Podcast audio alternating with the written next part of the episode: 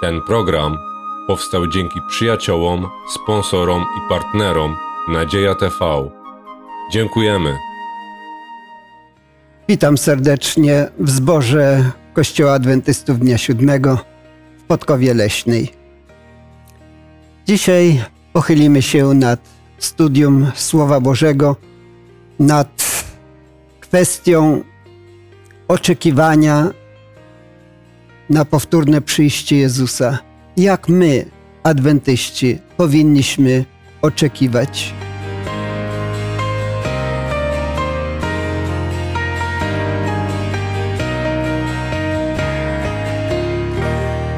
Witam ponownie. Dzisiaj będziemy w gronie nas czterech osób studiowali Słowo Boże. Grzegorz, Halinka, Zbyszek i ja mam na imię Julian. Ponieważ będziemy czytali, rozważali Słowo Boże, chcemy, żeby Duch Święty był naszym nauczycielem i przewodnikiem. Dlatego poproszę o modlitwę wstępną. Panie Boże łaskawy, dziękujemy Ci za to studium. Prosimy Cię o mądre myśli, abyśmy mogli być zbudowani i ci, którzy nas również słuchają. Prosimy Cię o Ducha Twego Świętego, aby prowadził to studium ku Twojej chwale. Amen. Amen. Amen. Pan Jezus szykował się już do odejścia z tej ziemi.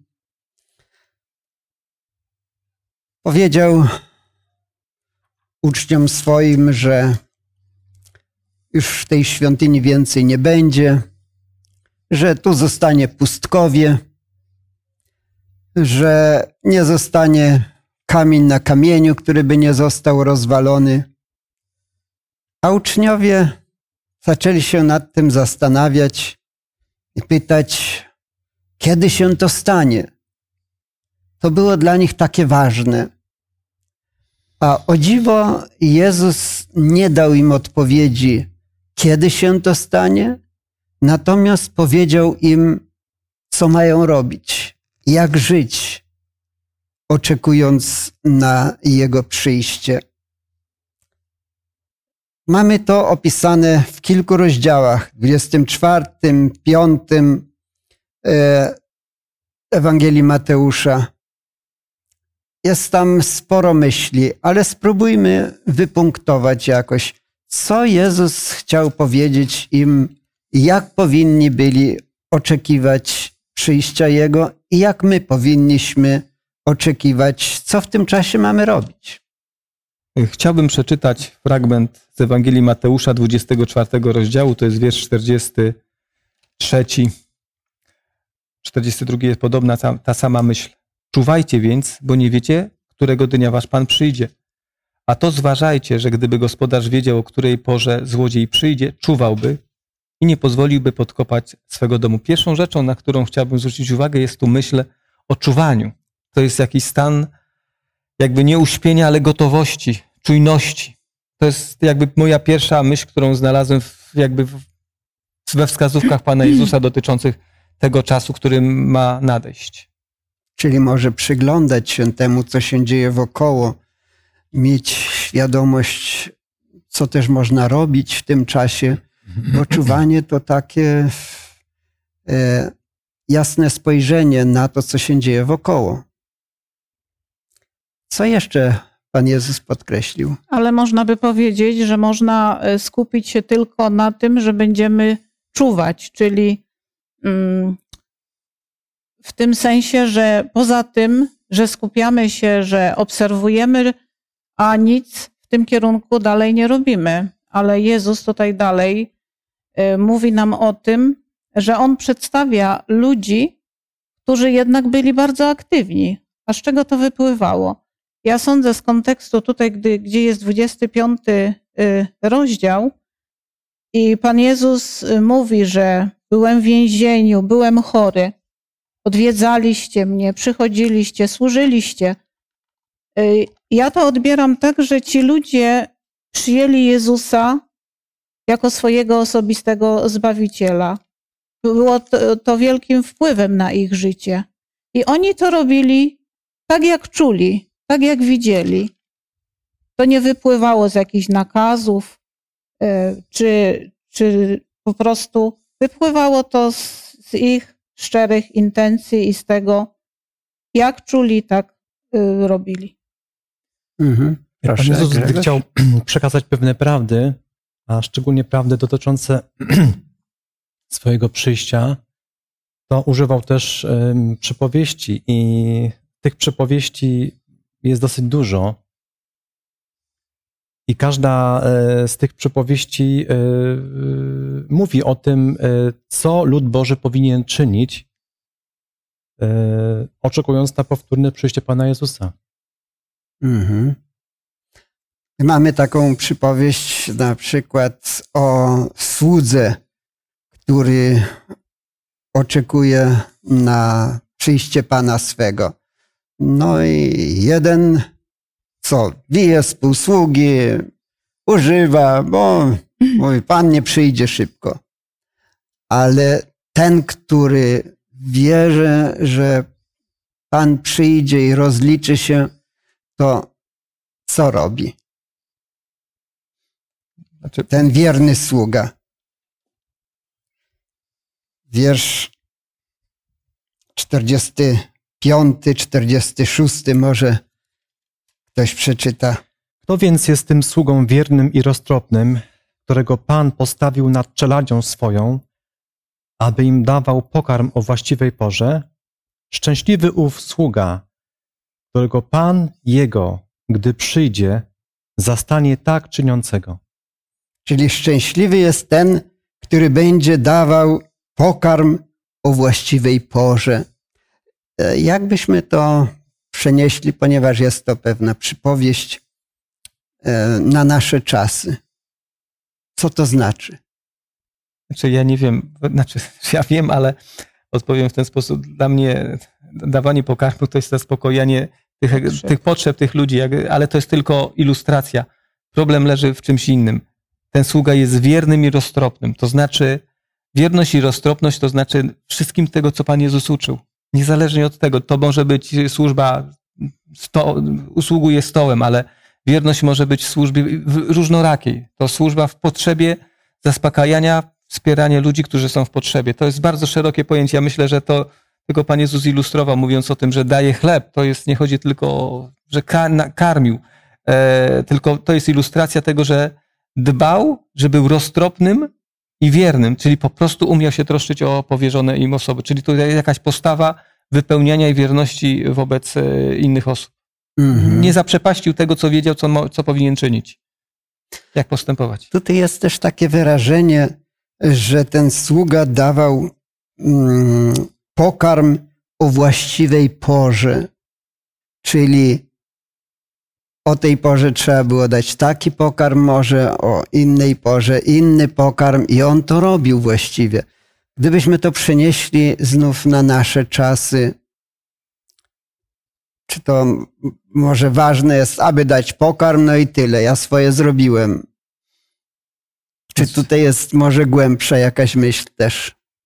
No ja myślę, że y, różne formy działania mogą być y, przedstawione pod tym słowem pokarm. Mhm. No bo tu nie chodzi tylko, tak jak mówimy, jest to przypowieść, nie chodzi o Tak. fizyczny pokarm, ale różne formy działania, które y, gdy widzimy taką potrzebę, no to powinniśmy to zaspokoić, a nie przejść obok tego obojętnie. No i Mhm. możemy to odnieść każdy osobiście do siebie, bo każdy z nas jest członkiem Kościoła i, i ta misja to nie jest do, dla, skierowana dla drugiego, do drugiego człowieka, ale do nas osobiście, jak my to wypełniamy. Mhm. Ja myślę o tym, że to też jest ważne, e, aby w odpowiednim czasie e, przyjść z odpowiednią pomocą. Tak. Bo jeśli ktoś jest głodny, to nie dawać mu wtedy, e, nie wiem, nauk Pisma Świętego, bo on chce jeść. Ale z drugiej strony, jeśli ludzie są syci chleba tego i, i pokarmu doczesnego, to może właśnie potrzebny im ten pokarm duchowy. Także roztropny człowiek będzie myślał nad tym, co w danym czasie jest najlepsze, co dać drugiemu. A co byśmy powiedzieli o tej przypowieści o pannach mądrych i, i głupich? Dlaczego Jezus podał tę przypowieść? E, jak to zrozumieć w kontekście oczekiwania? Co należałoby robić, czekając na przyjście Jezusa? Tutaj Tak. mm, w tej przypowieści o pannach jest e, też taka ciekawa dla nas nauka zawarta, że e, jedne panny, i drugie panny, te mądre i głupie, mm, oczekiwały, razem oczekiwały. Ale e, jest coś takiego, co mm, różniło ich od siebie. E, To wiemy, że e, nie miały tego oleju, czyli tego Mhm. Ducha Świętego, który, który daje nam we właściwym czasie te wszystkie dary, talenty, abyśmy mogli je wykorzystywać. Tutaj właśnie tego zabrakło, Ducha Świętego. Mhm. Czyli co należy robić, żeby, żeby nie zabrakło nam tego, żebyśmy nie byli ocenieni jako te niemądre panny? Przypomina mi się ta wypowiedź Pana Jezusa z początków działalności, kiedy Pan, Pan Jezus powiedział, jesteście światłością świata, nie stawia się korca, a tutaj mamy jakby na samym końcu takie jakby rozliczenie, też mówiące o świeceniu i o lampach, ale to taki, taki jakby czysty zbieg okoliczności, ale może nieprzypadkowy. E, Bardziej bym powiedział, ja bym zwrócił uwagę na, tutaj jest taką myśl, która kończy tą przypowieść, czuwajcie. O pewnej czujności, że będzie taki moment, że wydawać, wydawać się będzie, że jesteśmy przygotowani, czy robimy wszystko, już jesteśmy gotowi na spotkanie z Panem, a okazuje się, że przyjdzie taki moment bardzo trudny i o tych trudnych momentach mówił Pan Jezus troszeczkę wcześniej, że będzie to trudny okres i okaże się, że czegoś nam brakuje, czegoś nie wystarcza. To jest, nie, nie daje tu Pan Jezus konkretnej odpowiedzi, ale mówi, taka sytuacja będzie, że w pewnym momencie będzie grupa ludzi, którzy się przygotowali naprawdę tak do końca, a część się znajdzie, która też się przygotowywała, ale nie wypełniła czegoś im zabrakło w życiu. To jest odpowiedź, którą każdy z nas musi sobie odpowiedzieć, co to było, bo tutaj Pan Jezus tej odpowiedzi nie udziela, ale mówi, czuwajcie, bo nie znacie. E, warto o tym też pomyśleć i wiedzieć. Mhm. Przypomina mi się myśl, którą napisała Ellen White, że codziennie powinniśmy się modlić o Ducha Świętego, żeby nas prowadził, żeby nam wskazywał, co mamy czynić. Bo może przyjść taki moment, kiedy e, zaśniemy, bo któregoś dnia na przykład nie będziemy mieli, czy Duch Święty nie będzie miał do nas przystępu. A to może być taki moment, w którym szatan wykorzysta i, i, i nas zwiedzie. Więc y, to czuwanie właśnie i każdego dnia prośba o prowadzenie przez Ducha Świętego, żebyśmy nawet będąc w gronie tych oczekujących na przyjście Jezusa, w jakiś sposób no, nie odpadli. Bo cóż nam pomoże wszystko inne? Potrzebne nam jest też ożywienie i reformacja. To takie dwa określenia, którymi e, przywódcy naszego kościoła ostatnio posługują się dość często. E, Że jest to wielka potrzeba. Co rozumiem pod tymi określeniami ożywienie, a co po, pod tym pojęciem reformacja? Znaczy ja to zawsze przenoszę na e, takie nasze normalne e, sy- sytuacje życiowe. E, w momencie, kiedy następuje ożywienie, kiedy nagle otrzymujemy coś, co jest więcej niż normalne. Znaczy to, to jest coś poza pewną normą, którą, do której się przyzwyczailiśmy, że e, ożywienie jest to wyjście spoza pewnych sztampowych postaw, jakie mamy. Jest to jakby wyjście ponad przeciętność i to nazywam ożywieniem, że w tym momencie jakby się pobudza, mamy więcej energii, więcej zapału, więcej ochoty do działania i to nazywam ożywieniem. To jest jakby taki rozwój. Ożywienie kojarzy mi się od razu z czymś, co rozkwita. Wiosna, lato, owocowanie. E, reformacja jest zupełnie innym pojęciem. Dlatego, że reformacja mm -hmm. mi się mhm. kojarzy z pewnego rodzaju głębszą zmianami. zmianami, które one nie wykluczają się, ale w pewnym momencie, kiedy dostrzegam, że coś jest nie tak, to zmieniam. I dla mnie wtedy to jest, e, z czegoś rezygnuję i wybieram nową drogę, wybieram nowe opcje i nowe drogi, to jest dla mnie reformacja. Tak. To ważne jest, żebyśmy przyjrzeli się sobie z modlitwą i pomyśleli, co należy zmienić w moim życiu. I to nie może być tylko takie sobie pogadanie czy popatrzenie na siebie i na tym koniec. Tylko to jest naprawdę wielka potrzeba, zwłaszcza w tych czasach ostatecznych. I jeżeli mamy spełnić jakąś misję, każdy z nas ma w tym udział, to trzeba pewne rzeczy poprawić i ożywić się. Przypomniała mi się tutaj historia, jak e, zostałem przeniesiony do pewnego zboru, do pracy i tam przywitali mnie mniej więcej w ten sposób. O, jak dobrze, bracie, że teraz tu jesteś z nami. Musisz coś z nami zrobić, nas wypchnąć, bo wiesz, my tacy zasiedziali jesteśmy. Pomyślałem sobie, no tak, to ja mam coś z nimi zrobić. Tak naprawdę to każdy powinien pomyśleć, no, co ja mogę zrobić? Muszę się troszeczkę ożywić żeby zacząć coś robić, a nie czekać, aż ktoś przyjdzie i teraz wypchniesz nas.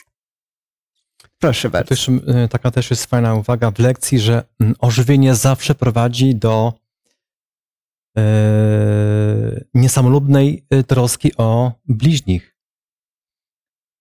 E, ale musimy też sobie zdać sprawę z tego, że to jest pewien proces, że nic się nie dzieje tak od razu. I właśnie ożywienie może być pewnym procesem, e, który prowadzi nas e, do, do, do, do właśnie pewnych działań na, na rzecz bliźnich. To mogą być różne działania. Drugi list apostoła Piotra, trzeci rozdział, który stanowi jakby taką kanwę do tych rozważań, napisał w dwóch wersetach, pozwolę sobie przeczytać. E, bardzo wyraźnie wskazującą na czasy ostateczne. Skoro to wszystko ma ulec zagładzie, jakimż powinniście być wy w świętym postępowaniu i w pobożności? Święte postępowanie i pobożność, naprawdę to, co powiedziałeś przed chwilą, e, zawiera tę myśl. Pobożność to jest służba miłości. Żyć po Bożemu, e, w świętym postępowaniu. I jeszcze jedna myśl, przeto umiłowani, oczekując tego, starajcie się być znalezieni przed nimi bez skazy, bez nagany w pokoju. To jest spojrzenie jakby na nas, kiedy mamy pokój. Kiedy człowiek ma pokój, kiedy w zasadzie czyni to, co jest zgodne z wolą Bożą. W momencie, kiedy będziemy uciekać od woli Bożej, a będziemy czynić własne rzeczy, czy nawet przekraczać wolą, tego pokoju nie będziemy mieli. Więc w pewnym momencie to jest wskazówka, e, abyśmy zostali bez skazy, bez nagany, w pokoju. Gdzie jest probierz? Tutaj jak spoglądam na siebie, jak, jak Pan na mnie widzi, jak, czy, czy robię wszystko, co, co należy, czy też wybieram jakąś inną opcję. I tu też apostoł Piotr, mówiąc o tych czasach ostatecznych, dał te dwie wskazówki, na które warto pamiętać, e, jak powinniśmy postępować w świętym po postępowaniu i w pobożności, że to jest do, czynnikiem dosyć ważnym w przygotowaniu i, i ożywieniu, i reformacji, bo mamy tam w siebie spoglądamy, ale także mamy coś, co czynimy na zewnątrz. Ja jeszcze mhm. chciałabym powiedzieć, że ważną też taką reformą w naszym osobistym życiu powinna być reforma dotycząca naszego osobistego kontaktu z Bogiem, czyli naszych modlitw, naszego studiowania Słowa Bożego. Żeby to nie było jakieś takie formalne albo z pośpiechu. E, wiemy, w jakich czasach żyjemy i możemy sami po sobie powiedzieć, jak to na co dzień w naszym życiu wygląda, ale właśnie po to studiujemy tutaj te zagadnienia, aby, abyśmy, aby nam to dało coś do myślenia, coś do zmiany dla nas, dla tych, którzy nas słuchają. Żeby mhm. nie było to tak, jak było do tej pory. Mhm. A wiemy, że Słowo Boże ma wielką moc nas zmienić, no i właśnie uzdolnić później do tego, aby ta zmiana uwidoczniła się w naszych czynach. czyli Mhm. dla drugiego człowieka. Tak. Tu siostra wspomniała te trzy elementy. Ktoś to przedstawił jako taki trójnóg. E, Jeśli jednego z elementów zabraknie, to ten stołek się wywróci. I tak jest z naszym chrześcijańskim życiem. Czyli modlitwa, studiowanie Pisma Świętego, ale też i czyny. To, czego się nauczyliśmy w modlitwie, co nam Bóg podsuwa, żebyśmy to realizowali, czyli karmienie się Słowem Bożym, modlitwa z prośbą o wsparcie w naszych działaniach, no i samo działanie. Wtedy będzie coś z tego. Chciałbym przytoczyć tutaj też cytat mm, chrześcijańskiej pisarki Ellen White, którą mamy w naszych lekcjach. Odrodzenie prawdziwej pobożności wśród nas jest największą i najpilniejszą ze wszystkich naszych potrzeb. Dążenie do tego powinno być naszym pierwszym zadaniem. W sprawach zbawienia to przede wszystkim powinniśmy dbać o siebie. A później, jak zadbamy o nasz stan duchowy, będziemy mogli coś robić dla innych. I dlatego naszą pierwszą potrzebą jest odrodzenie prawdziwej pobożności. A teraz spójrzmy szerzej. Po co został zorganizowany Kościół i w ogóle powołany do czegoś? Ja nieraz tak myślałem. Wiem, że były przecież w przeszłości różne religie, takie, siakie, pogańskie, gdzie na przykład nie było kapłaństwa, tylko ludzie sobie praktykowali religię tam gdzieś w domach, mieli jakichś bożków czy ołtarzyki, modlili się. Czy Kościół jako taki zorganizowany w zbory, w diecezję jest potrzebny, czy też nie? Y, Im więcej jest, im większa jest grupa, moc oddziaływania e, i możliwość działania i zmieniania jak gdyby jest większa. Ale ludności jest tyle samo. Nie, nie w tym rzecz. W momencie, kiedy jeden pojedynczy człowiek będzie próbował przekopać, czy wykopać kanał, czy zatrzymać rzekę, to będzie bardzo trudno zrobić. Ale jeżeli będzie tam tysiąc ludzi, a jak będzie dziesięć tysięcy ludzi i dostanie każdy łopatę, to bardzo szybko to zrobią. Czy ewentualnie efekty pracy grupy ludzi jest o wiele większe oddziaływanie niż pojedynczych w momencie, kiedy mamy duże rzeczy do wykonania.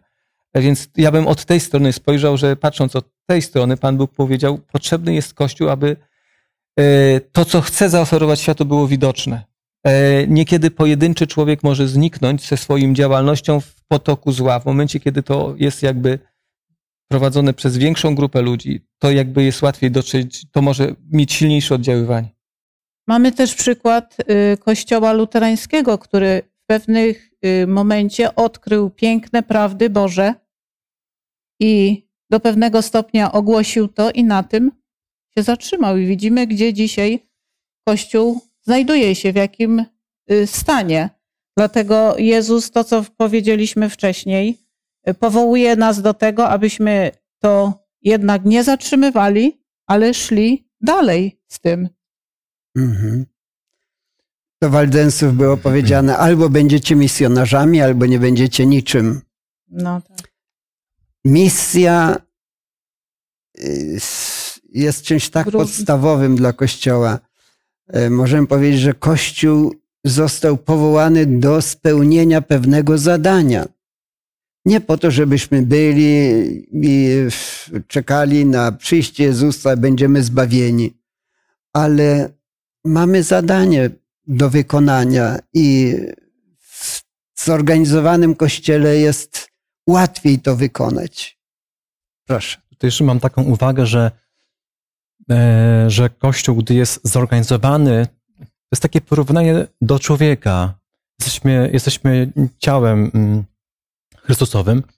Tak jak człowiek ma, ręk, ma rękę i nogę, oczywiście e, sama ręka, jedna ręka by nie wykonała e, pewnego dzieła, tylko żeby wykonać pewne dzieło, e, muszą być zaangażowane inne części ciała. Czyli to jest taki obraz, to jest taki pełny obraz Kościoła, kiedy jest zaangażowany i nieraz się podkreślało, że w jedności jest siła, Mhm. że pojedynczy człowiek jest, e, nie ma takiej, e, takiej siły przybicia. Mhm. Niedawno byłem w pewnym kraju i będąc w zborze widziałem duże plansze o mm, tych e, s- uciekinierach z krajów Bliskiego Wschodu. No i różne teksty biblijne tam były, jak należy traktować tych ludzi. I szykowali się do wielkiej akcji ale pastor powiedział mi: Mamy pewien problem. Władze postawiły wyraźnie nam takie, taki zakaz: nie wolno uprawiać prozelityzmu. Czyli możecie im dać pokarmy, możecie się zaopiekować ich stroną fizyczną, ale nie możecie mówić im o chrześcijaństwie, bo oni mają swoją religię, mniej więcej tak to znaczyło. E, No, co myślicie o tym? Jak byście się zachowali, gdybyście e, mieli tutaj przed sobą, nie wiem, grupę uciekinierów gdzieś tam z Syrii, no, e, szukających pomocy? Co byście robili? Ludzie, którzy są w potrzebie, nadal są ludźmi, którym trzeba pomóc. Niezależnie od tego, czy ja będę mówił, czy używał słowa Pan Jezus, czy będę używał słowa Pismo Święte, czy będę w pewnych momentach milczał. Niekiedy Słowo Boże mówi więcej czyny znaczą niż słowa. Eee, chciałbym przekazać treści, które wydają się i które mnie zmieniły i że jestem gotów pomagać, ale z drugiej strony niech to nas nie powstrzyma do tego, żeby nie pomagać tym ludziom. Wydaje mi się, że jeżeli ktoś otrzyma pomoc, to to, co zostanie posiane czy zasiane, e, może sprawić, że za którymś razem on zapyta, dlaczego ten człowiek to uczynił. I to jest dla mnie misja. E, nie, nie muszę używać słów, w których będzie się pojawiał Pan Jezus, czy nawet sięgać do Pisma Świętego, jeżeli nie mogę, ale jeżeli ktoś mnie zapyta, dlaczego tak postępuje, odpowiedź jest jasna. Mogę powiedzieć, dlaczego tak czyni. Grzegorz, Halinka, co ja myślicie? dzisiaj miałam taki y, praktyczny przykład właśnie takiej pomocy dla całkiem obcej osoby, która leżała na ulicy i przejeżdżałam i zatrzymałam się. Nie wiedziałam, czy ta osoba jest pijana, czy coś się jej stało, czy zemdlała, no ale zatrzymałam się. Udzieliłam tej potrzebnej jej pomocy, okazało się, że ta osoba zesłabła. I zapytała później mnie ta pani, proszę panią, dlaczego pani to zrobiła? Przecież dzisiaj panuje taka znieczulica wśród ludzi. Kilka osób przejechało i nikt się nie zatrzymał.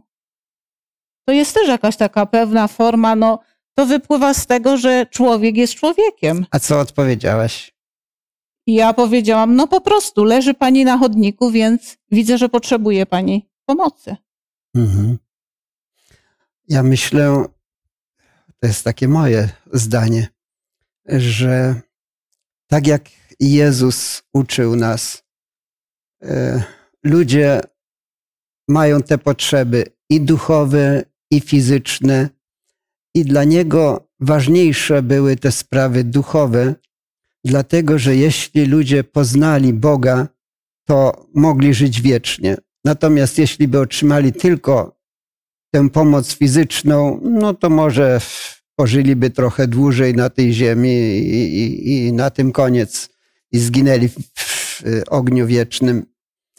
E, więc e, ja wiem, że i w czasach komunistycznych próbowano jakoś ograniczyć e, głoszenie Ewangelii.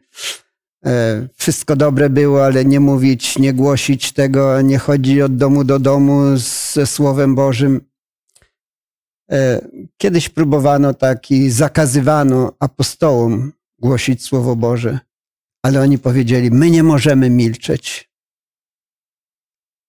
I tak samo mm, nie wiem, jak praktycznie w różnych sytuacjach należałoby się zachować, ale nie możemy ulec presji ani takiej czy innej władzy, tylko słuchać trzeba Jezusa, który kazał nam iść i nauczać.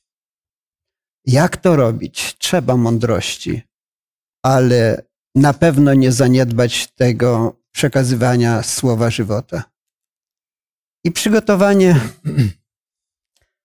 na ostateczne żniwo. Bo tu mówimy, że można to robić, tamto. E, mamy taki przykład zboru w Koryncie, gdzie apostoł Paweł mówi: No, ja coś zrobiłem, ale był tutaj jeszcze ktoś inny, który coś robił.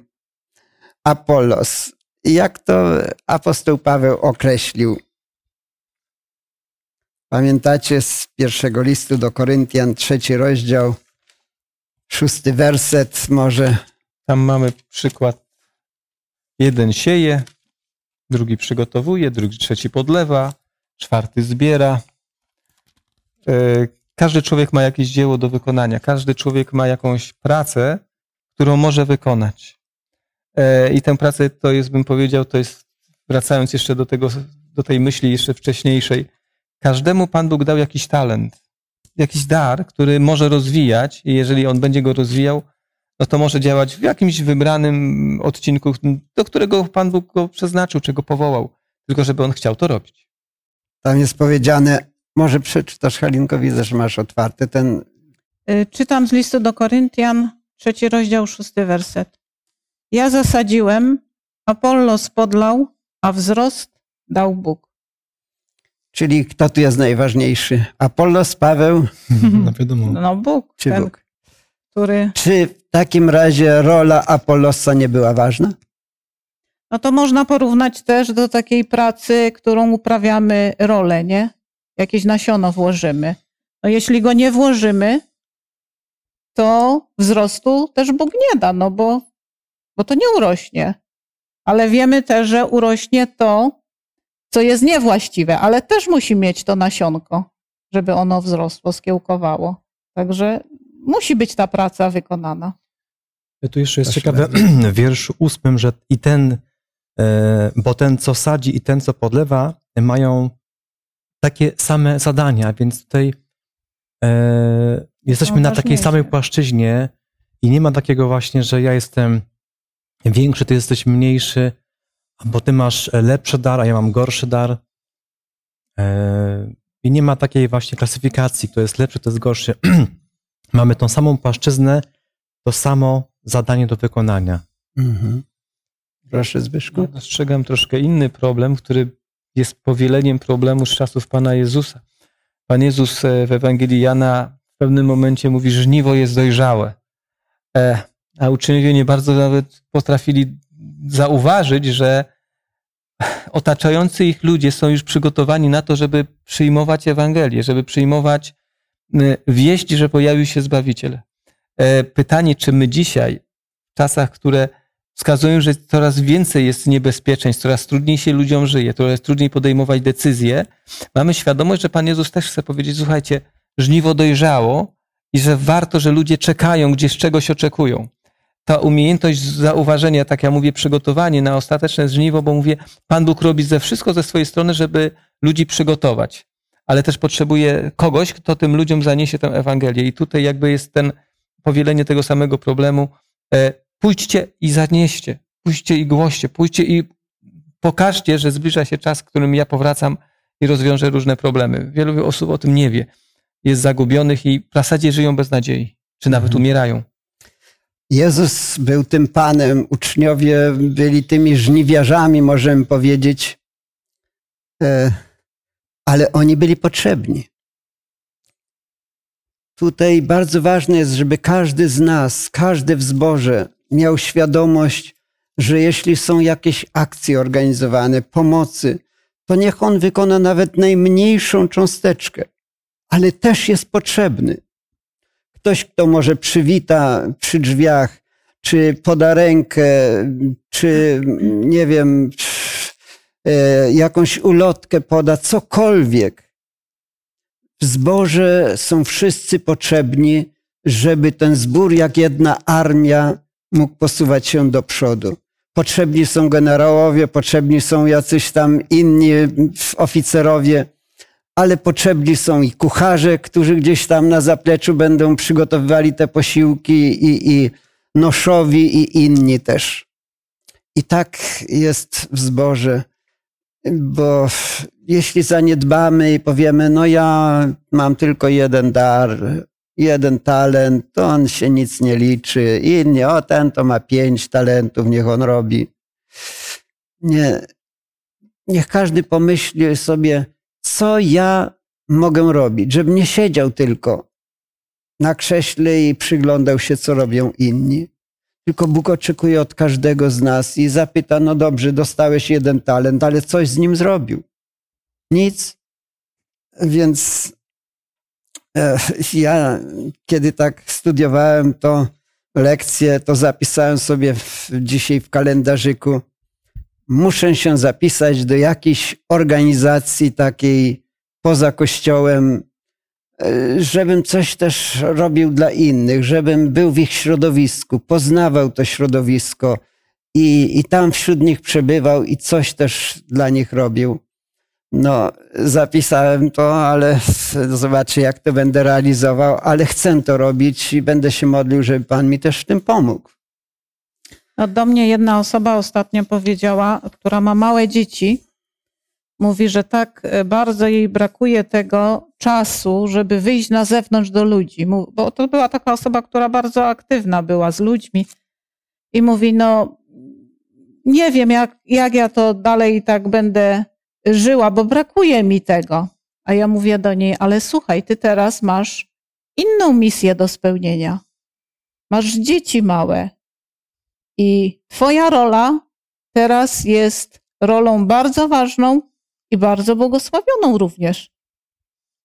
Także to musimy też pamiętać, że niekiedy w domu, jak jesteśmy i wykonujemy dobrze i sumiennie te obowiązki, to jest wielkie błogosławieństwo, które też przynosimy dla tych młodych ludzi, którzy zostają. Mhm. No tak. Zwłaszcza dzieci są bardzo ważne. No i gdy tak myślimy o tej służbie, czekając na Pana, e, czekając nie z założonymi rękami, to musimy mieć też świadomość, że potrzeby będą zawsze, tak jak Jezus powiedział, ubogich zawsze mieć będziecie, czyli do końca tak będzie. Będą ludzie biedni, będą ludzie potrzebujący tego Słowa Bożego. Wszystkim, do wszystkich jakoś nie dotrzemy wszystkich nie zmienimy, nie uleczymy, to wydawałoby się, no to cóż, co my możemy zrobić? Taką kropelkę w tym wielkim świecie możemy tylko tam dorzucić. Ale ważne, żebyśmy tą kropelkę chociaż taką dorzucili i dali temu, który jest spragniony. A tak naprawdę wszystko zmieni się dopiero jak przyjdzie Chrystus. I wtedy co jest powiedziane o tych, którzy będą zbawieni. 21 rozdział Księgi Apokalipsy. To już są te błogosławione myśli. Wiersz trzeci prosiłbym może odczytanie. I usłyszałem donośny głos stronu mówiący: Oto przybyte Boga między ludźmi i będzie mieszkał z nimi a oni będą ludem Jego, a sam Bóg będzie z nimi. I otrze wszelką łzę z oczu ich. Śmierci już nie będzie, ani smutku, ani krzyku, ani mozołu już nie będzie, albowiem pierwsze rzeczy przeminęły. Tak, czyli pełna naprawa i doskonałość będzie dopiero w niebie. Ale Póki co, gdy widzimy ludzi w potrzebie, Bóg oczekuje czegoś od nas, od każdego indywidualnie i od całego Kościoła. Do tego powołał nas Bóg. Jeśli chcemy brać przykład z naszego Zbawiciela, naszego Boga, który syła słońce i deszcz na wszystkich, na złych i dobrych, to też powinniśmy coś robić. Niech nam Pan w tym dopomoże. I w tej sprawie chcemy też się modlić. Ojcze kochany nasz, dziękujemy Ci za to, coś Ty dla nas uczynił. Tyś uczynił najwięcej, dałeś swojego Syna. My niewiele możemy zrobić, ale chcemy również wypełnić to zadanie niesienia pomocy innym ludziom, którzy są w większej potrzebie niżeli my. Ty dałeś nam tak wiele. Chcemy również udzielać innym. Proszę Cię o błogosławieństwo dla całego Kościoła w naszym mieście, w naszym kraju, na świecie, żebyśmy mogli objawić imię Twoje, Twój charakter, Twoją dobroć, ale też, żeby każdy z nas zastanowił się, jak zmienić z Twoją pomocą życie, ażeby było bardziej pożyteczne, żeby dawało nam więcej radości i radości innym. Proszę o to w imieniu Jezusa. Amen. Serdecznie zapraszam na kolejne studium Słowa Bożego. Kolejne studium będzie za tydzień. Serdecznie zapraszam.